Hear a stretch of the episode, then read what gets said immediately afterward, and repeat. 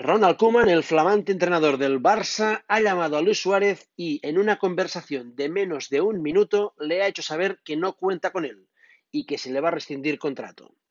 La misma llamada han recibido ya, o recibirán en horas o días, Rakitic, Arturo Vidal, Umtiti y, cuidado, puede que también Sergi Busquets. Y esto, ojo, a la espera de que Leo Messi mueva ficha.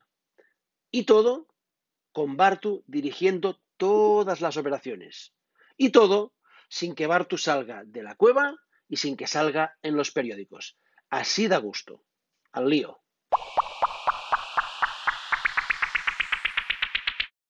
¿Sabe Bartu, como sabemos casi todos, que el Barça es un caramelito inalcanzable para la mayoría de entrenadores? Bueno, entrenadores o de jugadores o casi de directivos, pero para el caso que nos ocupa, de entrenadores. Y digo que casi porque hace tiempo que leo por ahí que, uy, no, este sí es un poco inteligente, no vendrá con esta chusma, me juego lo que quieras ya que no viene con Barto y los suyos. Veo que muchos no entendéis que Kuman o cualquier otro venga con esta junta impresentable. A ver, a ver si, si lo entendemos. Que Kuman no viene con la junta. Kuman viene a entrenar al Barça.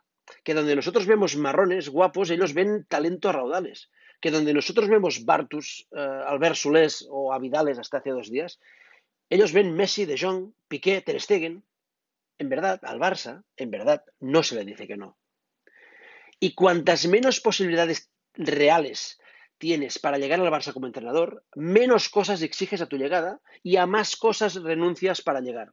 Fíjense si no en Ronald Koeman, quien tras más de 20 años picando piedra para llegar y teniendo a Luis Canut para vender el muñeco, ha renunciado rápido, pero rapidísimo, al cargo de seleccionador de una de, las, de los combinados con más futuro del panorama mundial, para venir aquí a hacerle el trabajo sucio a, un presidente que además tiene fecha de, caducidad y que la fecha de caducidad es cercana, en marzo para ser más exactos. Y con un candidato que salió a las primeras de cambio a decir lo que nunca debió decir, que con él Kuman no sería entrenador, ganase lo que ganase en su primer año, Luego rectificó, pero la gamba ya estaba metida. Con Kuman, Bartu no da un palo de ciego, sino que dibuja una jugada maestra. Y es que Bartu es tan calamitoso dibujando una hoja de ruta, tejiendo planes de consentido, como un auténtico maestro en la gestión del caos. Viviendo al día, no hay nadie como él. Bartu obtiene con Kuman el mayor de los escudos, un escudo que se vende solo, rey de la primera Champions, mito del barcelonismo y, poca broma, holandés como Michels, como Cruyff, como Van Gaal y como Rijkaard. Un escudo con el que calmar a los insurgentes e ilusionar a los entregados, y también un entrenador con experiencia limpiando vestuarios tan jerárquicos como viciados. El Valencia ya fichó a Tintín para limpiar de cañizares, albeldas y angulos el vestuario de, Mestalla. Y Kuman lo limpió, Solo que a los rectores valencianistas les entró un ataque de pánico y se echaron atrás. Ni me quiero imaginar lo que debe ser gestionar un vestuario con vacas sagradas, echadas y readmitidas. Solo espero que el bueno de Ronald no se vea aquí en una de esas.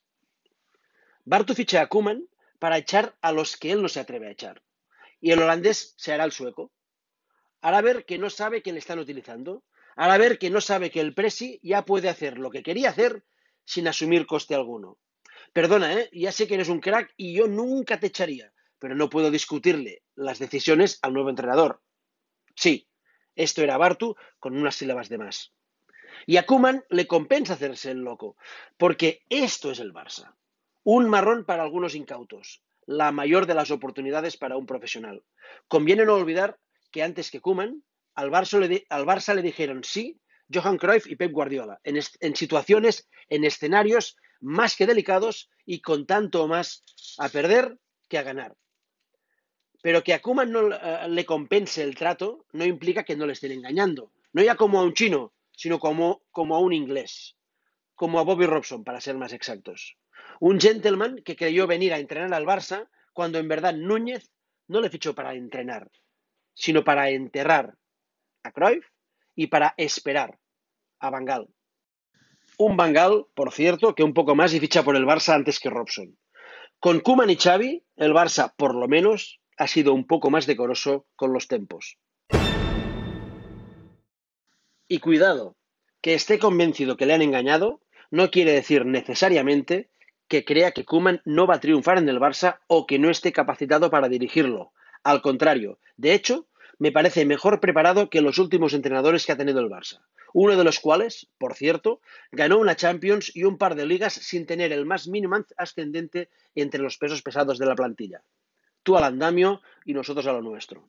Pues bien, me parece que Kuman sí tendrá ese ascendente. En verdad, a mí el holandés me parece más, más un entrenador para un equipo grande que para unos Southampton, Everton y demás equipos de media tabla. Me da que su carácter encaja mejor con vestuarios difíciles y retos mayúsculos que con equipos acomodados y talentos escasos. Baste para ejemplificar este extremo su buen papel en la Holanda de De Jong.